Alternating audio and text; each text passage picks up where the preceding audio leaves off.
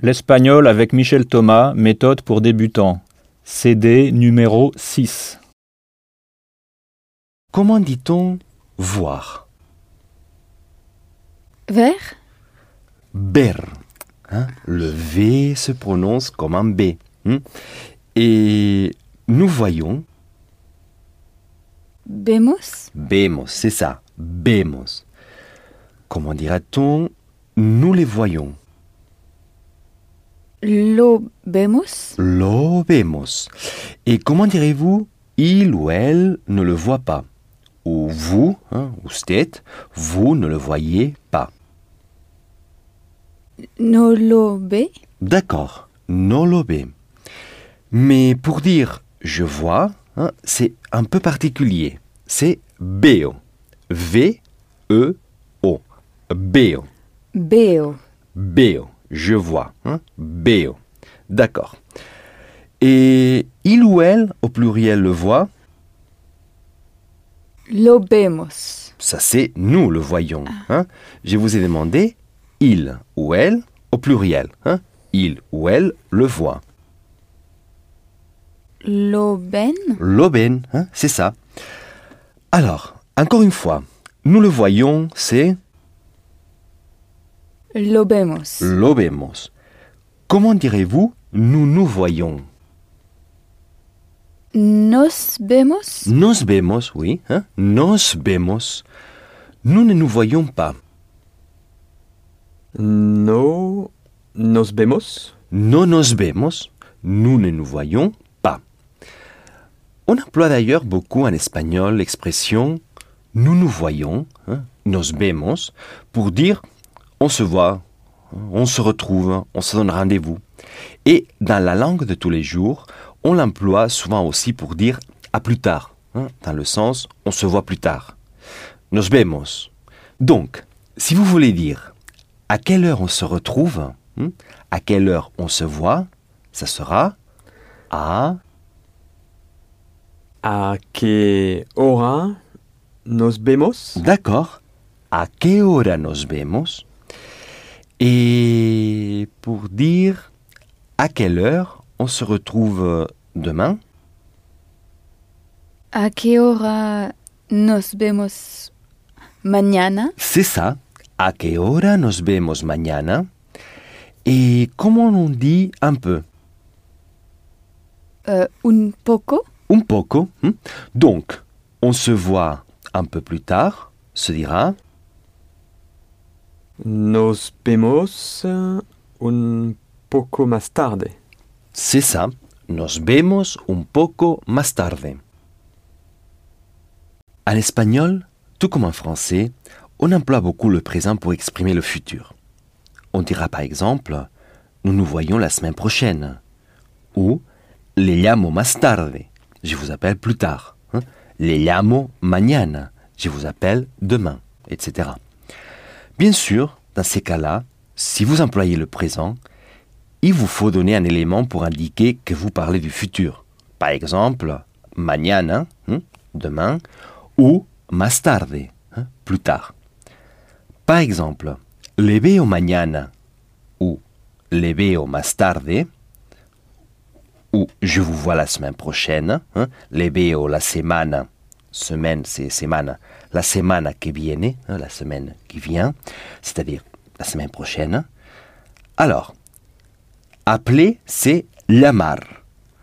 Donc, je vous appelle demain. hein, Vous vous adressez à usted. Euh, llamo? Encore une fois. Euh, llamo? Llamo. Je vous appelle. Llamarle? Euh, non. Non, non. Euh, comment dit-on acheter? Euh, comprar. Comprar. J'achète. Compro. Compro. Je l'achète. Lo compro. Lo compro, oui. Je les achète. Los compros? Non. Los compro. Los compro. Et je dis digo, digo. Je le dis. Lo digo. Lo digo. Je vous dis, hein, a usted. Le digo. Le digo. Je te dis. Te digo. Te digo, oui. Et j'appelle. Liamo. Llamo. hein. Et je t'appelle. Euh, te liamo. Te. Je vous appelle. hein, Vous vous adressez à vous, a usted. Le liamo. Le c'est ça. hein. Donc, je vous appelle demain. Le liamo mañana. Voilà. Hein? Le llamo mañana. Il est donc très courant en espagnol d'employer les présents pour exprimer le futur. Mais, là encore, comme en français, c'est ce qu'on emploie aussi beaucoup en espagnol pour exprimer le futur, c'est le verbe aller. Par exemple, je vais vous appeler demain. Ça donnera en espagnol Voy a vous appeler. liam. Appeler c'est Liamar. d'accord. euh, liamarle. D'accord, très bien. Alors, encore une fois, je vais vous appeler demain. Voy a llamarle mañana. Oui, voy a llamarle mañana. hein? Voy a llamarle. Donc, on utilise le verbe aller suivi de a et de l'infinitif. Voy a llamarle. Alors, nous restons quelques jours. Nos quede, euh, euh, quedamos? D'accord Nos quedamos quelques, hein, c'est-à-dire plus d'un. unos días. Bien, nos quedamos unos días. Mais vous pouvez dire aussi nous allons rester quelques jours. Vamos a quedarnos Bien, vamos a quedarnos unos días. unos días. hein, C'est ça. Vamos a quedarnos unos días. Alors, comment dire euh, à quelle heure on se retrouve demain C'est-à-dire, à quelle heure nous voyons-nous demain ¿A qué hora Mhm. A qué hora nos nos vemos mañana. C'est ça. hein ¿A qué hora nos vemos mañana ¿A qué hora nos vemos mañana? Hein? ¿A quelle heure nous voyons-nous demain? ¿A quelle heure on se retrouve demain? Mais vous pouvez aussi dire ¿A quelle heure allons-nous nous voir demain? ¿A qué hora A qué hora allons-nous c'est vamos a Oui, vamos a nous voir? Euh, vernos vernos, c'est ça, demain. mañana. D'accord. ¿A qué hora vamos a vernos mañana? ¿A quelle heure allons-nous nous voir demain? Donc, nous avons vu deux manières d'exprimer le futur. Soit le présent, tout simplement, hein, soit la construction avec le verbe aller, qui est très pratique parce que, en cas de doute sur le verbe qui suit, hein, quand vous pouvez utiliser aller, ça vous donne le temps de réfléchir. Et, comme en français, il existe un troisième moyen d'exprimer le futur. C'est, bien sûr, le futur à proprement parler. Et comme en français, on le forme à partir de l'infinitif. Prenons par exemple je parlerai. Parler se dit Hablar. hablar. Et pour dire je parlerai, il suffit d'ajouter à l'infinitif hablar la terminaison et, hein, un accent aigu. Et. Donc, à l'oral, c'est sur cette terminaison qu'on insiste. hein. On accentue la terminaison. Alors, je parlerai, ce sera Euh, hablaré. non, c'est la terminaison qu'il faut, pour ainsi dire, frapper. hein. C'est la terminaison sur laquelle il faut insister. Hablaré? Hablaré, oui, hablaré, hein, ré. C'est-à-dire que le R de hablar suivi d'un E accent aigu est la marque du futur de la forme avec je, hein, de tous les verbes. Donc, si vous voulez dire je mangerai plus tard, Comeré más tarde? comeré más tarde, oui. Et je l'achèterai, Lo que compraré? euh, euh, oui, oui, mais insistez bien clairement sur la terminaison. lo compraré? D'accord, lo compraré. hein. Et je le vendrai, Lo vendré. accentuez toujours la terminaison. Hum, lo vendré. Une seule syllabe accentuée. Et au futur, c'est la dernière syllabe, hein, la terminaison ré. Hum, lo vendré. Lo venderé. hein, D'accord, venderé. Prendre, c'est tomar. Donc, je le prendrai, ça sera Lo tomaré. bien. hein, Lo tomaré. Donc, pour le futur, on a la terminaison ré à la première personne du singulier, hein, avec je, et remos à la première personne du pluriel, hein, avec nous. Ré et remos. hein, Ré et remos pour tous les verbes, hein, c'est-à-dire le R de l'infinitif suivi de et et hemos. Alors, encore une fois, si prendre se dit tomar, je le prendrai se dira Lo tomaré. lo tomaré. Et nous le prendrons Lo tom... tomaremos? Non, c'est le même ré accentué que dans tomaré, mais vous y ajoutez mos. Alors, hum, lo tomaremos. Bien, lo tomaremos. Et comment dites-vous euh, je commencerai?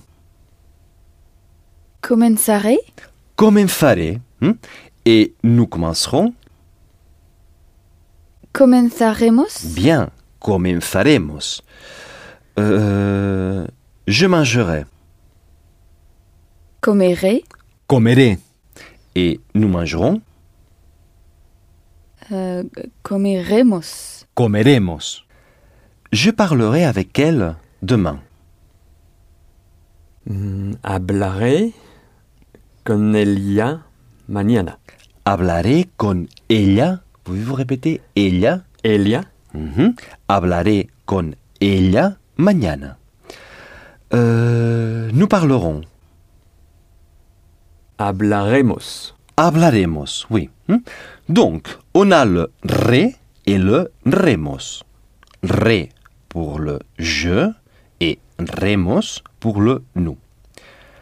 À chaque fois que vous lisez ou entendez ré ou remos, hein, quelle que soit la forme qui précède, si vous entendez blablabla hein, vous savez que c'est la forme du futur pour le je.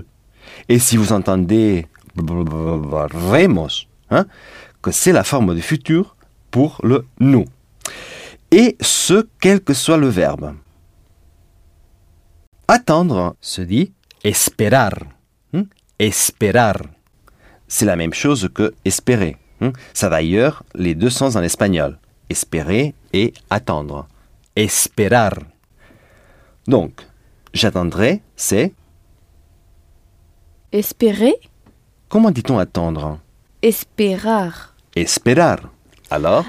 Esperaré. Esperaré. Bien. Alors, vous prenez l'infinitif en entier, esperar. Donc, j'attendrai se dit esperaré. Et nous attendrons. Esperaré. Esperaremos? C'est ça, bien sûr. hein. Esperaremos. Comment dit-on rester hein? Littéralement, se rester. Hum, queda... quedarse, quedarse. Hein? Quedarse. Et donc, je reste, littéralement je me reste, ça sera me quedarse, quedarse, c'est rester. Mais je vous ai demandé je reste. ah oui, euh, me quedare, Ah, ça c'était ma prochaine question. Me quedaré. Hein? Me quedaré, c'est je resterai. Mais comment dites-vous je reste hein? Quel temps, quel temps c'est je reste? Le présent. Le présent, bien sûr. Oui, donc me qu- euh, Euh, Qu'est-ce qui se passait avec le présent? Quelle était la syllabe qu'on accentuait au présent? Bon, parler, c'est hablar, et je parle, hablo, hablo, oui, on insiste sur l'avant-dernière syllabe. Alors, si rester, c'est quedarse, hein, se rester, rester, comment dit-on je reste? Me quedo, Bien, dis-le encore une fois. me quedo, Me quedo, oui, hein, le présent, quedo, me quedo. Alors, maintenant, vous pouvez dire demain, je reste ici. mañana, me qued, Je reste, me quedo, d'accord, hein, me quedo, je reste. hein, c'est le présent, me quedo. oui, me quedo, Bien. Mañana me quedo aquí. Alors, maintenant, vous pouvez aussi dire je resterai. me quedare, euh, me quedare, D'accord. Me quedaré. Et je vais rester. voy a quedar, euh, quedarme, C'est ça. Voy a quedarme. Donc, vous avez en espagnol, comme en français, trois manières d'exprimer le futur. Le présent, me quedo. Le futur, me quedaré. Ou la forme avec le verbe aller. Je vais rester. Voy a quedarme. Le moyen le plus simple, c'est d'employer aller. hein. Donc, pour dire je vais, vous dites directement voy a et vous le faites suivre du verbe quedarse. Donc, ça donne voy a quedarme. Nous avons vu que la façon la plus simple d'exprimer le futur est d'employer la construction avec le verbe aller. Par exemple, je vais commencer, qui se dit voy a comenzar ou voy a empezar, puisqu'on a vu qu'il existe deux verbes pour dire commencer en espagnol. Comenzar ou empezar. Alors, si vous voulez dire je vais l'acheter, ça sera voy a comprarlo, bien. Voy a comprarlo. Voy a comprarlo. Hmm? Je vais l'acheter. Et nous allons l'acheter. Vamos a. Oui, mais prononcez-le d'une traite. Hmm? Vamos a... Vamos a comprarlo. D'accord.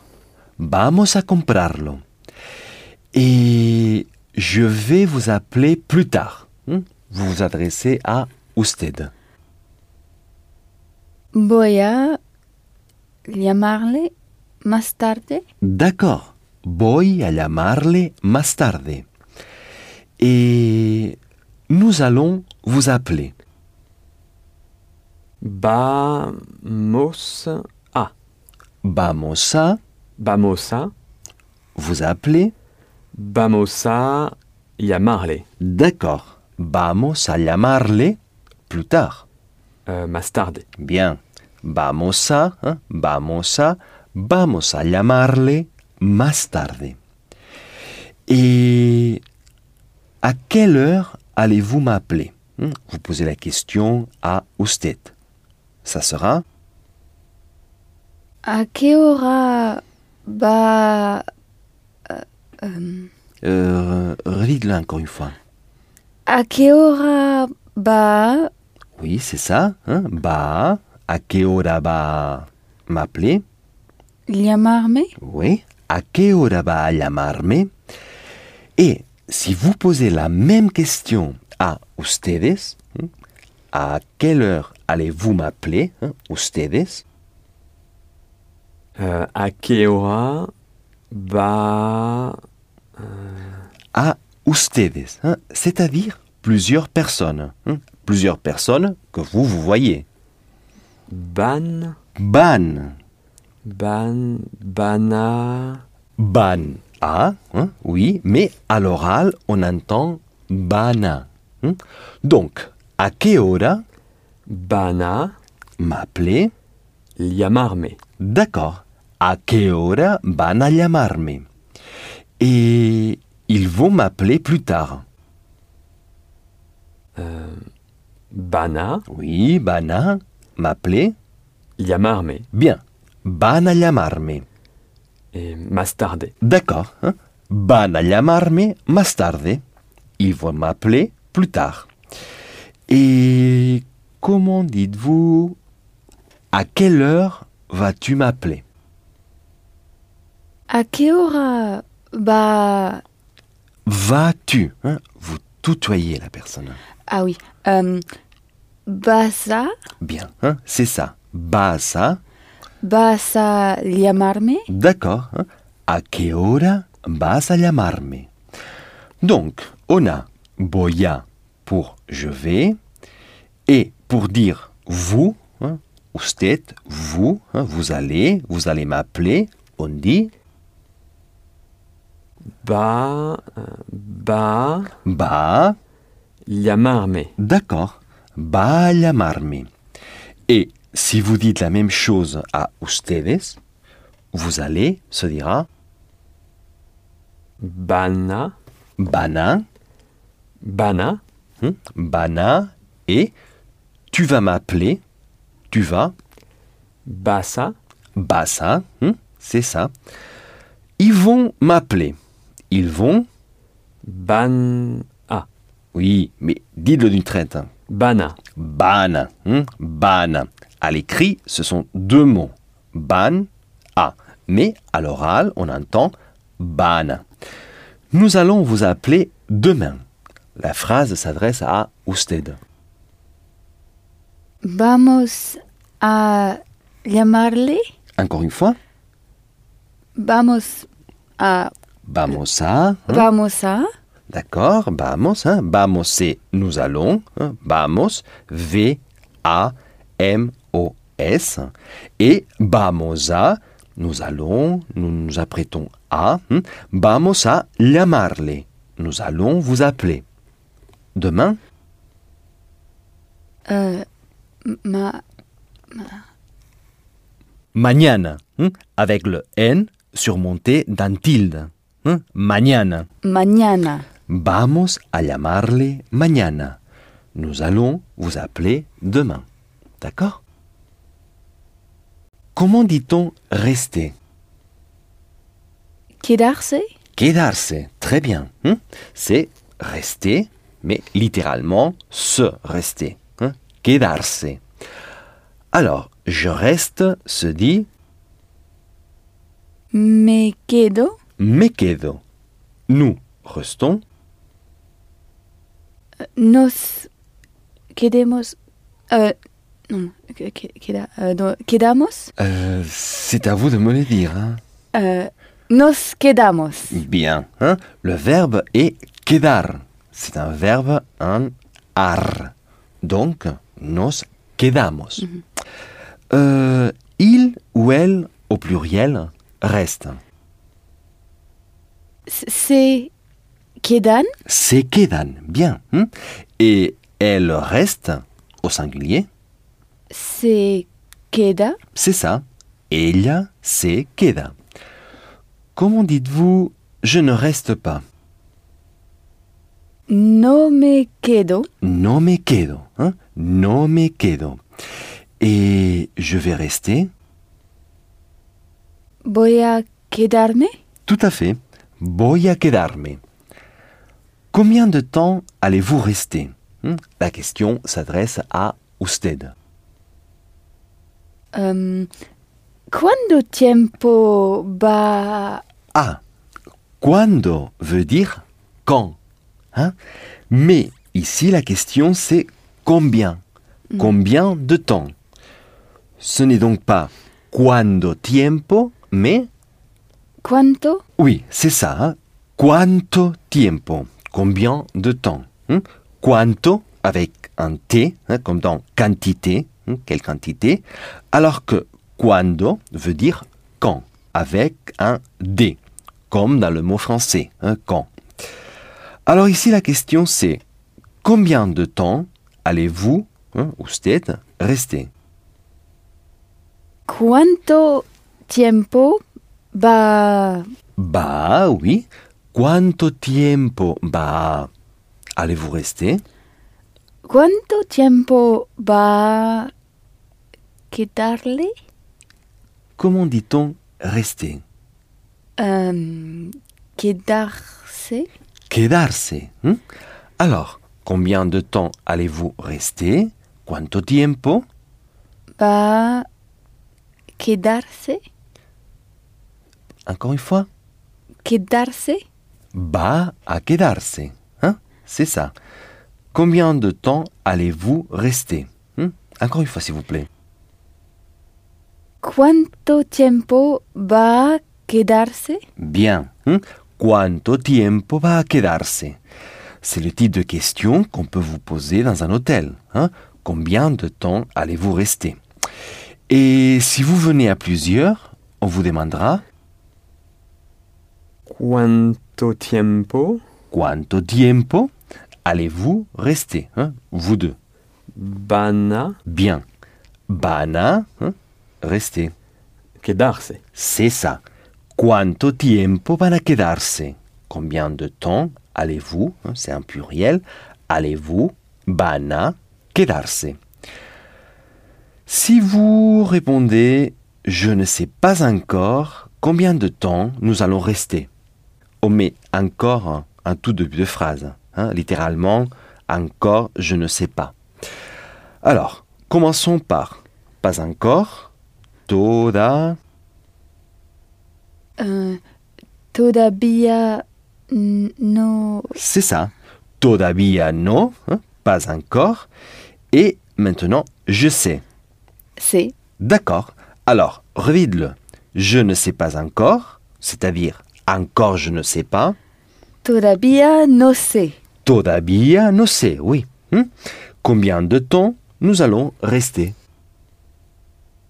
Cuánto tiempo vamos a quedarnos? D'accord. Todavía no sé cuánto tiempo vamos a quedarnos. Todavía no sé cuánto tiempo vamos a quedarnos. Donc, vous voyez que la construction avec le verbe aller est une manière très facile d'exprimer le futur.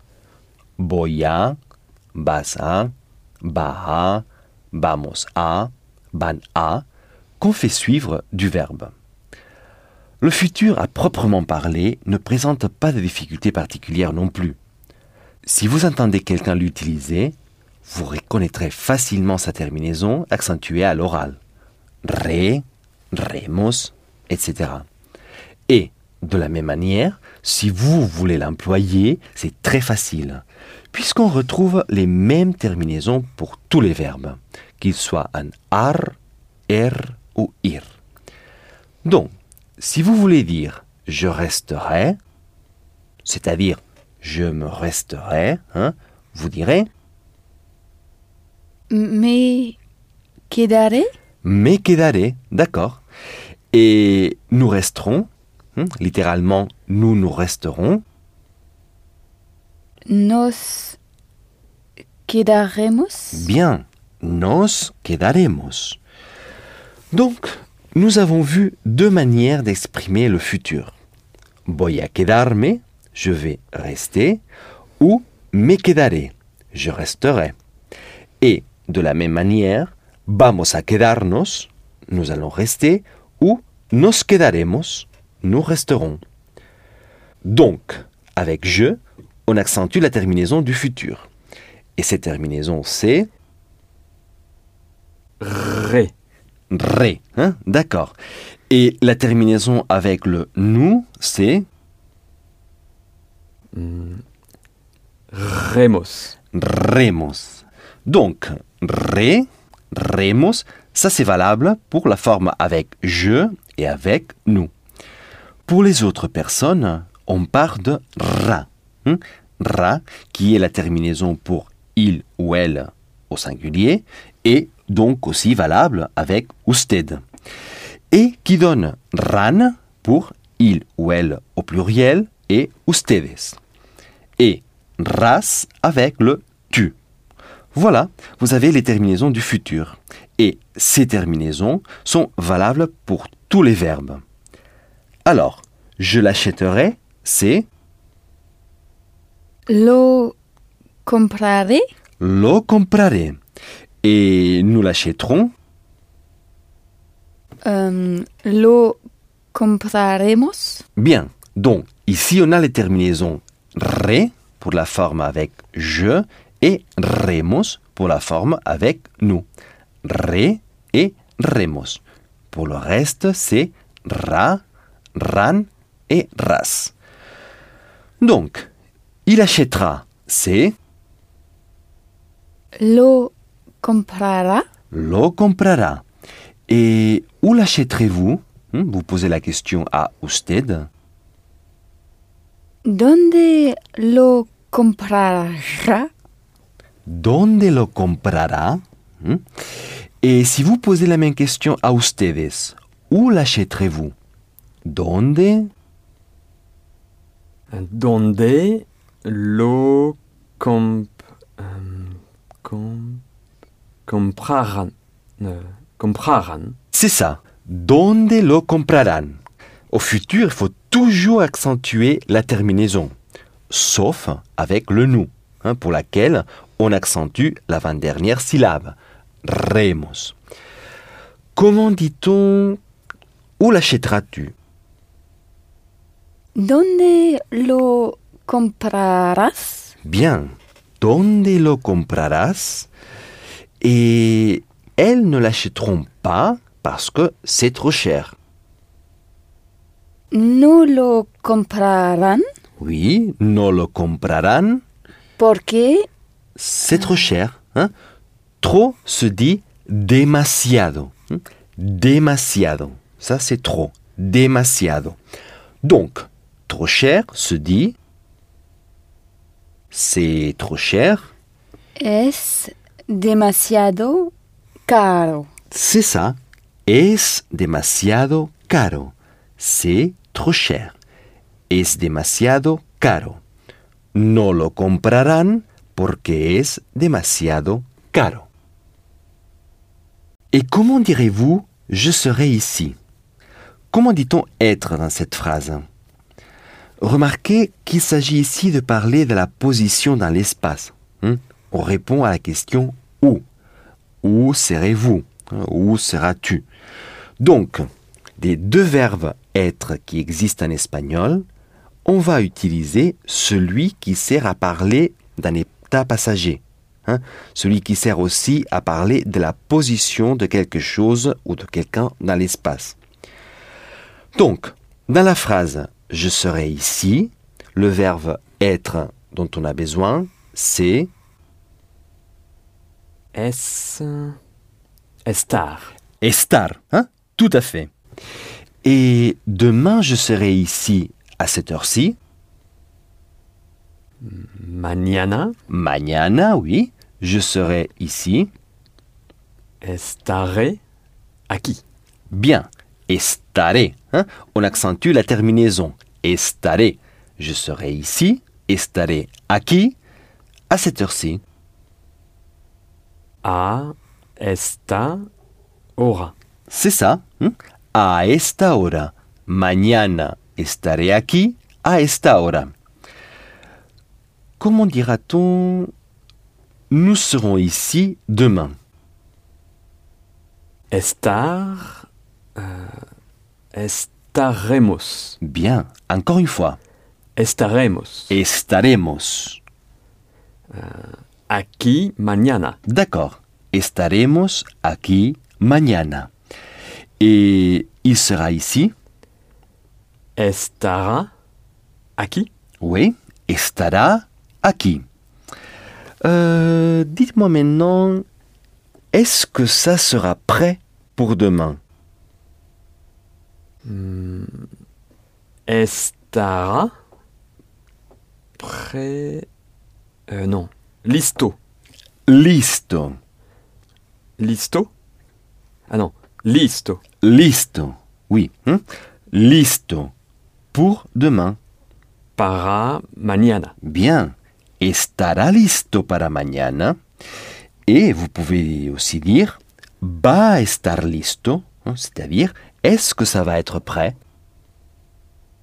Quand vous avez es au présent, comme dans es posible, es importante, ça vient du verbe ser, être. Alors, ça sera se dit hein, à partir du verbe ser, Será? Bien, hein, sera. Alors, comment direz-vous Il dit que ça ne sera pas possible? Dice que no será posible. Bien sûr, no será, hein, ça ne sera pas. hein, dice que no será posible. Et ça ne va pas être possible de le faire. hein. Attention, en espagnol, on dit ça ne va pas à être possible le faire. Donc, sans la préposition de. Pensez à la phrase en français, mais inversée. Le faire ne va pas être possible. Alors, ça ne va pas être possible de le faire. No va ser posible hacerlo. Vous pouvez le redire encore? No va a ser posible hacerlo. Va a ser? Va a ser posible hacerlo. posible hacerlo. Tout à fait. No va a ser posible hacerlo. Ça ne va pas être possible de le faire. Comment direz-vous Ils arriveront bientôt. Llegarán pronto. C'est ça. Llegarán pronto. hein. Ils arriveront bientôt. Et ils vont arriver bientôt, c'est? Van a llegar pronto? C'est ça. Van a llegar pronto. Donc, ça c'est quand on emploie la construction avec aller. Mais il est important de connaître aussi les terminaisons du futur. Re, ras, ra, remos, ran, qui sont valables pour tous les verbes. Et comment dit-on j'irai le voir Iré. Très bien. hein? Donc, ir, aller, irai, j'irai. hein? Et si un verbe de mouvement est suivi d'un autre verbe, on met quoi entre les deux? A. Ah, oui. hein. On le met entre les deux verbes. Donc, j'irai le voir, c'est Iré a très bien. Irai à. hein. Alors, irai à le voir. verlo. Bien. Iré a verlo. J'irai le voir. hein? Iré a verlo. Euh, dites maintenant, nous irons le voir. Vamos a D'accord Vamos a. Mais. ir a hmm, ir a oui. verlo. D'accord. Vamos a ir a verlo. hein. C'est ça. Mais ça c'est nous allons aller le voir. Mais si vous employez le futur, comment direz-vous nous irons? Iremos? C'est ça. hein? Donc nous irons le voir. iremos a verlo. Très bien. Iremos a verlo. Les verbes gogo se comportent d'une manière un peu particulière. Pour les verbes gogo, on ajoute un D au futur juste avant la terminaison, ce qui fait disparaître la voyelle d'un infinitif. Prenons par exemple le verbe tener, qui donne tengo, à la première personne du singulier au présent, donc avec je. Pour dire j'aurai au futur, ça donnerait normalement teneré. Eh bien, répétez plusieurs fois teneré, teneré, teneré, teneré, teneré. Hein Vous verrez que d'une façon presque imperceptible, ce D apparaît. Teneré, teneré, teneré. hein voilà, et c'est comme ça, comme d'une forme ténéré, on est arrivé à une forme tendré. hein. D'ailleurs, on observe la même chose en français avec des formes comme je tiendrai, viendrai, etc. Donc, les terminaisons sont les terminaisons habituelles, mais on ajoute un D avant. Alors, j'aurai, tendré, et nous aurons Tendremos? Tendremos, d'accord. Il ou elle aura. Ou vous, usted, aurez. Tendra? Tendra, oui. Il ou elle auront. Ou bien, ustedes, hein, vous aurez. Tendran? Tendrán. Et tu auras, Tendras. tendrás. De la même manière, on avait salgo, hein, le verbe salir et donc un verbe gogo. Salir qui signifie sortir. Alors, au futur, je sortirai, au lieu de saliré, c'est, Saldré. et encore une fois, hein, saliré, saliré, saliré, saldré. Saldré. C'est ça, hein? Saldré. Hein? C'est très facile. Saldré. Je sortirai. Et nous sortirons, Sal. euh, saldremos? bien sûr. Hein? Saldremos. Comment dites-vous il ou elle sortira? Ou bien aussi usted. Hein? Vous sortirez. Usted. Euh, saldra. Saldra. Il ou elle sortiront. Ou bien vous sortirez dans le sens ustedes. Hein vous sortirez. Saldra. Sal. Encore une fois. Saldran. Saldran. hein Saldran. Bien. Et tu sortiras Saldras. encore Saldras. D'accord. hein, je voulais entendre un peu plus nettement la syllabe accentuée à la fin. Hein, saldras. Saldras. Ok, encore une fois. Saldras. Bien. Maintenant, donnez-moi un autre verbe gogo. Euh, pongo. Pongo, hein, je mets. D'accord. Alors, comment dira-t-on je mettrai? Pondré. Pondré, bien sûr. Et nous mettrons Pondremos? pondremos. Il ou elle mettront Euh, pondrán. pondrán. Tu mettras? Pondrás. pondrás. Et maintenant, les deux petits verbes gogo qui vont de pair. Euh, euh, digo Mhm, et hago. Exact. hein. Digo du verbe decir et hago du verbe Hacer. hacer. hein, Du verbe hacer. Ils sont si courts hein, que dans leur cas, il suffit d'enlever le go et de le remplacer par la terminaison du futur. Donc, pour la forme avec je, on remplace go par ré. Alors, je ferai se dit Ah, haré. haré et nous ferons Haremos. haremos, oui. Il ou elle fera ou vous ferez, hein, vous, euh, usted. Euh, non. Euh, hará. hará, hein, hará. Et il ou elle feront, hein, ou bien aussi vous ferez, mais dans le sens de ustedes, hein, vous ferez, Euh, harán. harán. Et tu feras, Harás. harás. Alors, reprenons l'autre petit verbe ami. hein, Digo, du verbe decir. Digo. Digo devient, il suffit de remplacer le go par la terminaison du futur. Donc, je dirais, c'est... Dirait. Oui, répétez-le. Dirait.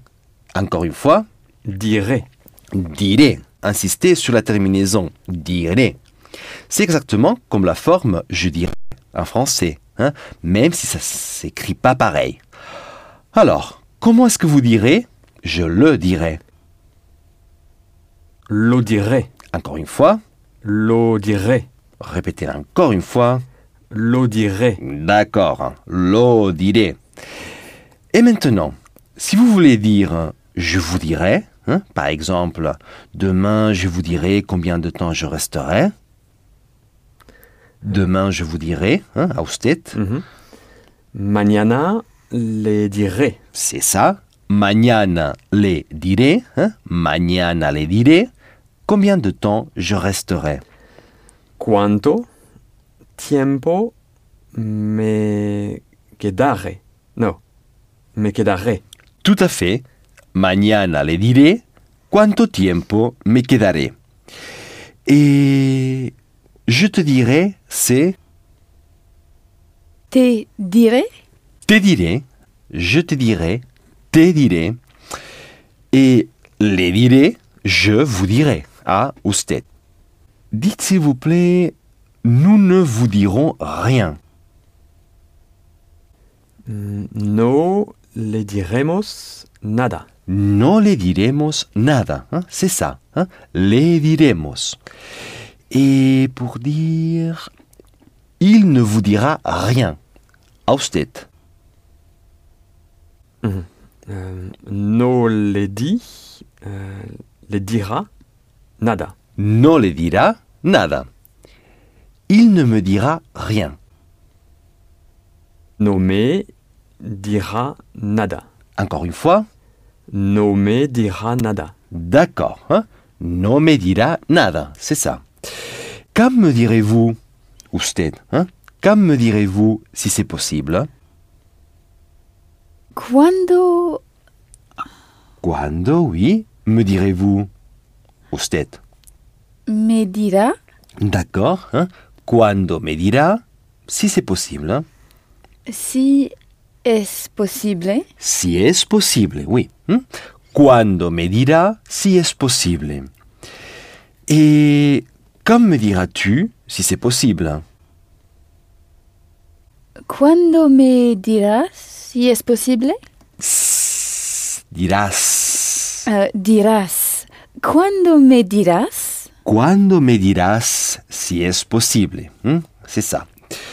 Quand me direz-vous si vous, hein, ustedes, pouvez Quand me direz-vous si vous pouvez? Cuando me dirán si pueden. Encore une fois, s'il vous plaît? Cuando me dirán si pueden? Dirán. hein? Ran, oui. Cuando me dirán si pueden? De fait, les terminaisons sont toujours les mêmes au futur. Re, hein, qui donne remos, et ra, qui donne ras et ran. Je ne comprends jamais pourquoi dans les méthodes de langue, on a toujours des dizaines de pages avec les conjugaisons complètes pour chaque type de verbe, y compris la conjugaison complète du futur. Ça a même attiré l'attention sur le fait que, au futur, ce sont toujours les mêmes terminaisons. Il se passe la même chose avec les conditionnels. Le conditionnel qu'on utilise pour dire ce qu'on ferait, hein, qu'est-ce qu'on ferait si on était riche, si on avait plus de temps, etc. Eh bien, comme au futur, les terminaisons du conditionnel en espagnol sont toujours les mêmes, quel que soit le verbe, mais au lieu de re, on a ria. hein. C'est la terminaison de départ du conditionnel pour tous les verbes. Ria. Donc, par exemple, si vous voulez dire demain ça sera possible, vous direz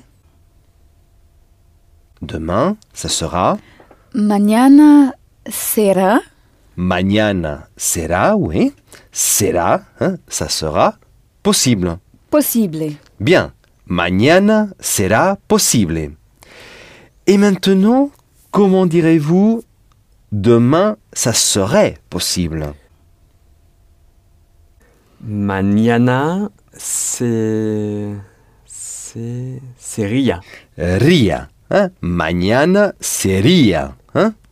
Euh, sería posible. D'accord. Mañana sería posible. Donc, sería, ça veut dire serait. Alors, comme ça, ça ne serait pas possible. Comment dites-vous ça? Comme ça, ça ne serait pas possible.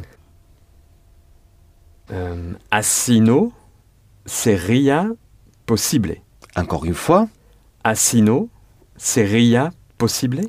il faut séparer le así et le no. Hein? Así no sería posible. Así no sería posible. C'est ça. Hein? Así no sería posible. Comment direz-vous je le ferai demain? Hein? Pensez aux deux petits verbes qui vont ensemble, hein, ceux qui vont de pair.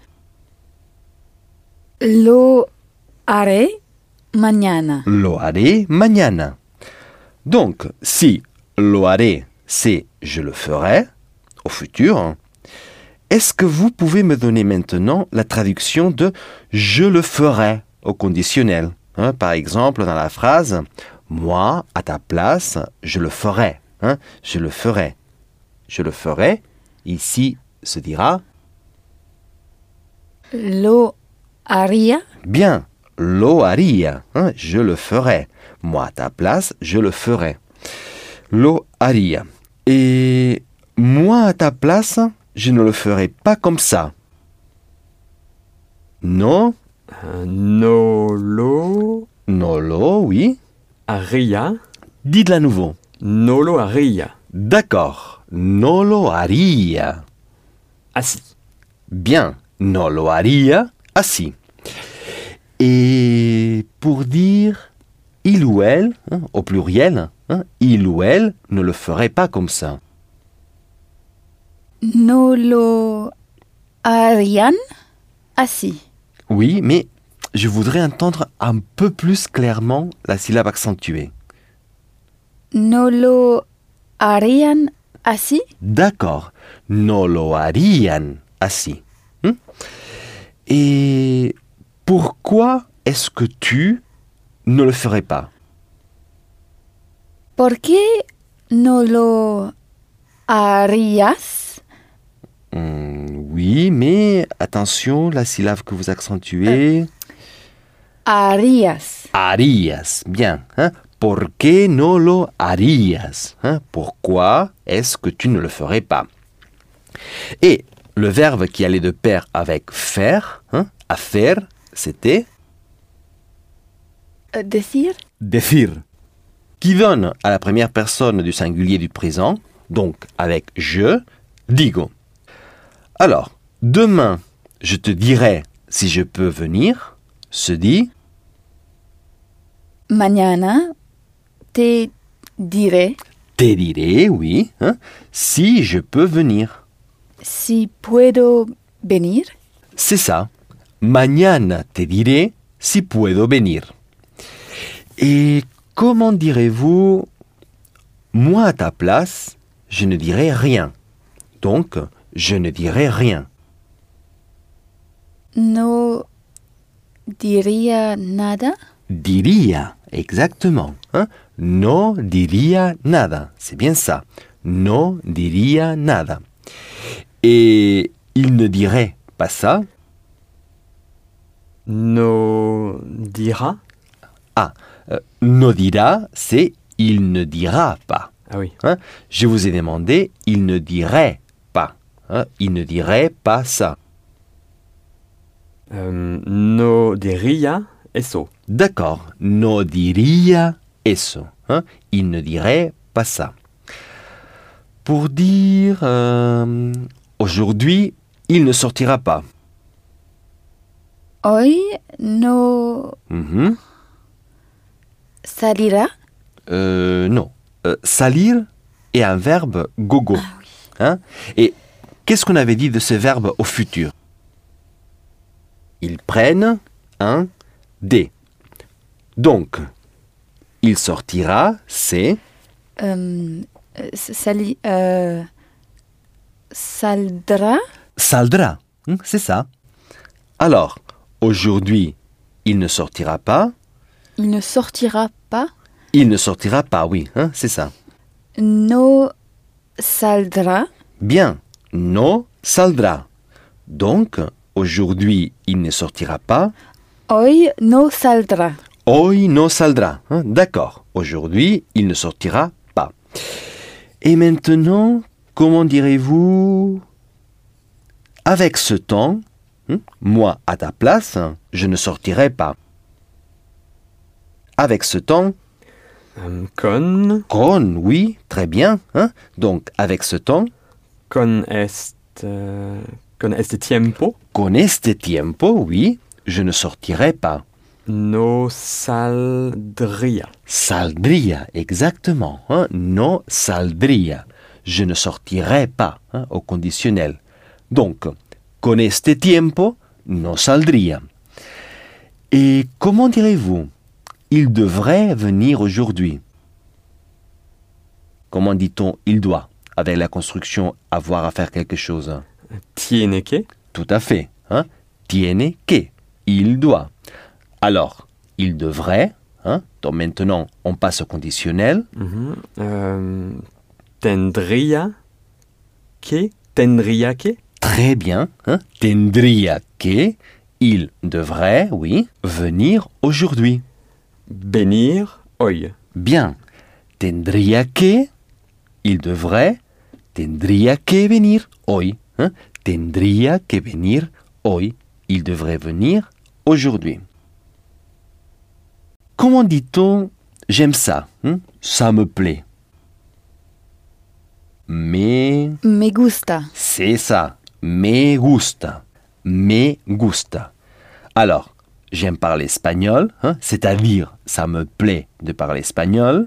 Me gusta Me gusta, oui, parler espagnol. hablar español. D'accord. Me gusta hablar espagnol. Si ça vous plaît beaucoup, me gusta mucho hablar espagnol. Hein? Me gusta mucho. Ça me plaît beaucoup. J'aime beaucoup. Me gusta mucho hablar espagnol. Parler l'espagnol. Comment direz-vous je n'aime pas rester à la maison le week-end? Je n'aime pas rester. Euh, no me gusta. euh, quedarme. Très bien. No me gusta quedarme. À la maison, hein, ça se dit en casa. hein. Casa, c'est la maison. On l'avait déjà vu. Donc, à la maison, en casa. En casa. D'accord. Donc, no me gusta quedarme en casa, hein, à la maison, en casa, le week-end. En espagnol, on parle littéralement de la fin de semaine. El fin, El fin de semana? tout à fait. El fin de semana. El fin de semana, c'est le week-end. Donc, je n'aime pas, no me gusta, rester, hein, littéralement me rester, quedarme, en casa, à la maison, el fin de semana, le week-end. No me gusta quedarme en casa el fin de semana. Comment direz-vous tu aimes ça? C'est-à-dire, ça te plaît? Te gusta. Te gusta, oui. Souvent, on vous demandera, vous aimez ça? Est-ce que vous aimez ça? Qui se dit? Le gusta? D'accord, les gusta. hein, ça vous plaît? Vous aimez ça? Et comment dirait-on nous aimons Nous aimons ça, hein, c'est-à-dire ça nous plaît? Nos gusta, C'est ça. Nos gusta. Hein? Ça c'est nous aimons ça. Bien. Alors, si me gusta du verbe gustar, c'est ça me plaît, comment direz-vous ça me plairait Me gus äh, me gustare, plairait. gustare, Euh, non, euh, essayez encore une fois. Je vous demande de dire ça me plairait. äh, me gustara, Plairait.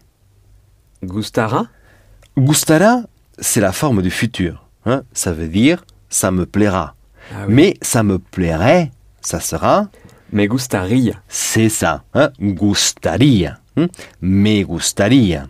Ça, on le dit très souvent en espagnol pour j'aimerais. hein, comme par exemple, j'aimerais pouvoir parler espagnol. Alors, dites-le s'il vous plaît. J'aimerais pouvoir parler espagnol. Ça sera? Euh, me gus gustaría poder hablar español. Bien. Me gustaría poder hablar espagnol. Et j'aimerais aller voir le film avec toi. Me gustaría? Me gustaría, oui, aller voir, ir, ir, ir a, oui, mais euh, euh, ira, ira, hein, c'est ça, ira, aller voir, ver voilà, ir a ver le film. la película. Tout à fait, la película, hein, c'est le film. Hein, Rappelez-vous, c'est une pellicule. hein. La película, le film. Avec toi, Contigo. Bien, contigo, tout à fait, contigo, hein, un seul mot, tout attaché. Hein, c'est un peu une forme particulière, tout comme conmigo, avec moi. Donc, me gustaría, je voudrais, ir a ver, aller voir, la película, le film, contigo, avec toi. Me gustaría ir a ver la película contigo. Envoyer se dit mandar. Hein, Pensez au mot français euh, mandat. hein, c'est de l'argent qu'on envoie. Donc, mandar veut dire envoyer. Quoique, on peut aussi dire enviar. hein. Donc, si vous voulez dire il envoie, ça sera Lo manda. très bien lo manda. Lo manda. Et si vous voulez dire il me l'envoie, comment direz-vous ça? Il me l'envoie. Melo C'est ça, Mélo. manda. D'accord. Alors, encore une fois, il me l'envoie. Me lo manda. Bien, me lo manda. Et hmm, il ne me l'envoie pas aujourd'hui. No me lo manda. Oui, no me lo manda, hein, manda. Encore une fois, No me lo euh, manda. manda, oui, aujourd'hui. Hoy. D'accord. No me lo manda hoy. Mais il me l'enverra demain. Pero Pero, hein, il me l'enverra demain. Me lo mandaré. Mandaré serait j'enverrai. Hein? Donc, me lo mandaré, ça serait je me l'enverrai hein, à moi-même. C'est ce que vous venez de dire. Donc, je n'ai pas dit je me l'enverrai, mais il me l'enverra. Euh, me lo mandara Voilà, hein, c'est ça. Mandara. Hum. Demain, mañana. D'accord. Me lo mandará mañana. Si vous utilisez la forme avec le verbe aller, vous pouvez toujours dire il va me l'envoyer demain. Avec l'infinitif, les pronoms sont accolés à la fin. hein. Si vous avez deux pronoms, ici c'est comme en français. Le pronom qui désigne le destinataire vient en premier. Donc, d'abord, me, puis le. Mandar me lo. Bien, hein? Mandármelo. Il y a ici trois mots. Mandar, me, lo. Mais, ça s'écrit tout attaché. hein? Trois mots qui s'écrivent en un seul mot. Mandármelo. Donc, encore une fois, il va me l'envoyer demain. Ba Bah, ba ma euh, mandármelo mañana. D'accord. Va a mandármelo mañana. Il va me l'envoyer demain. Et si vous ne vous souvenez pas du futur ou de la forme avec le verbe aller, vous pouvez toujours employer le présent. Hein, D'autant Mhm. plus qu'il y a le mot mañana, demain. Il me l'envoie demain, hein, en employant tout simplement le présent. Euh, mais euh, lo manda. Il faut faire attention sur quelle syllabe vous insistez. hein, car si vous accentuez au mauvais endroit, on risque de ne pas vous comprendre. Me lo manda. Manda, hein, d'accord. Manda. hein, vous, avez, manda. vous avez dit tout à l'heure manda. hein? Oui. Manda. Me lo manda. Il me l'envoie. Demain, Mañana. me lo manda mañana. Donc, tout comme en français, pour exprimer le futur, on peut employer le présent. Me lo manda mañana. Ou la construction avec le verbe aller. Va a mandármelo mañana. Il va me l'envoyer demain. Ou le futur. Me lo mandará mañana. Il me l'enverra demain. Comment direz-vous je te l'enverrai aujourd'hui, mais je ne vais pas avoir le temps. Euh, Dans le sens, je voudrais te l'envoyer. hein, Je te l'enverrai bien aujourd'hui. Te lo. Bien, mais accentue un peu plus nettement euh, le verbe. Euh, te lo mandaría. D'accord, hein, c'est ça. Te lo mandaría. Aujourd'hui, Hoy. te lo mandaría hoy, mais je ne vais pas avoir le temps. hein. Avoir le temps se dit tener tiempo. Euh, pero no voy a tener tiempo. C'est ça.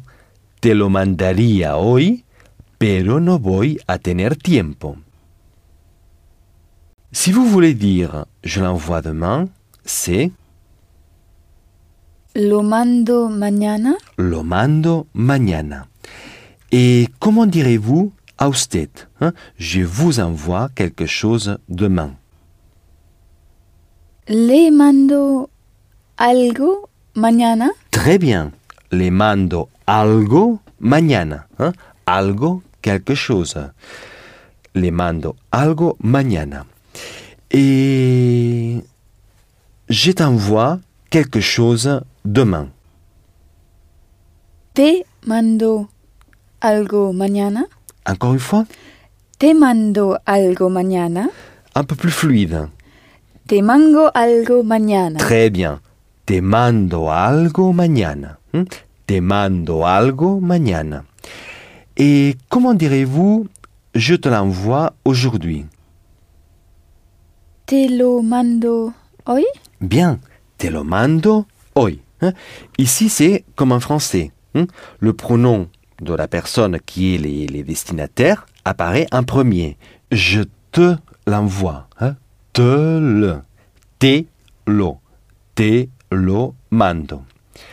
Et pour dire je te les envoie aujourd'hui, les, c'est los ici. Donc, je te les envoie. Te los mando hoy? C'est ça. Te los mando hoy. Et maintenant, si vous voulez dire à usted, je vous l'envoie ce soir, Le lo mando? le lo mando. Logiquement, c'est comme ça que ça devrait se dire. Mais il se trouve que la forme les lo a évolué en c'est lo. C'est-à-dire que le L de les devient S et ça donne donc C. Donc, c'est lo veut dire vous le. hein, je vous l'envoie. C'est lo mando. La forme les lo n'existe pas. Donc, ici, le c'est se rapporte au vous, hein, le vous de politesse singulier, Ce c'est peut aussi se rapporter à la troisième personne du singulier, c'est-à-dire à lui ou à elle. Dans ce cas, se lo mando voudrait dire je le lui envoie, hein, le lui envoie à lui ou à elle. Hein, se lo mando. Toujours avec le pronom qui désigne la personne en premier. Donc, je répète, on ne dit pas le lo mando, mais c'est lo mando. Je vous l'envoie hein, à usted. Ou je le lui envoie à lui ou à elle. De la même manière, on ne dit pas les lo mando, mais c'est lo mando pour les mêmes raisons. Donc, c'est lo mando peut aussi vouloir dire je vous l'envoie à ustedes ou je leur envoie à eux ou à elles au pluriel.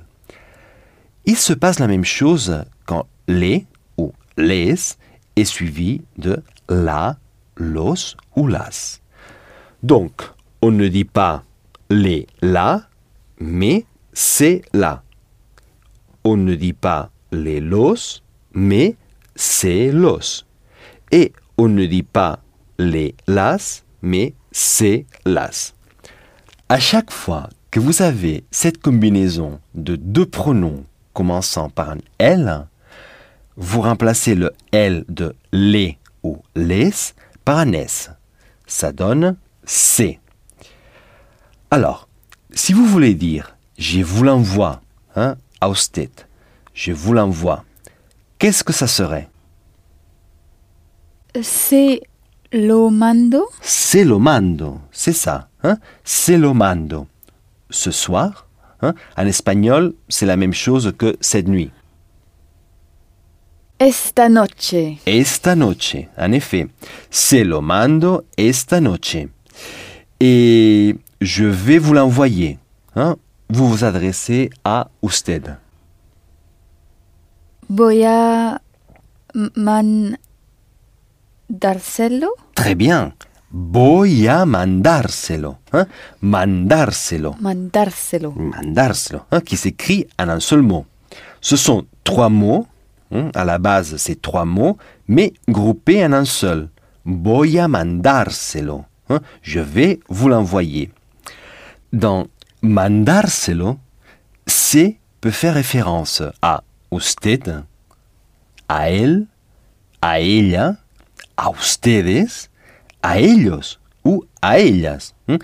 C'est pourquoi, souvent, pour éviter toute ambiguïté, on précise voy a mandárselo a usted ou a él ou a ella. hein.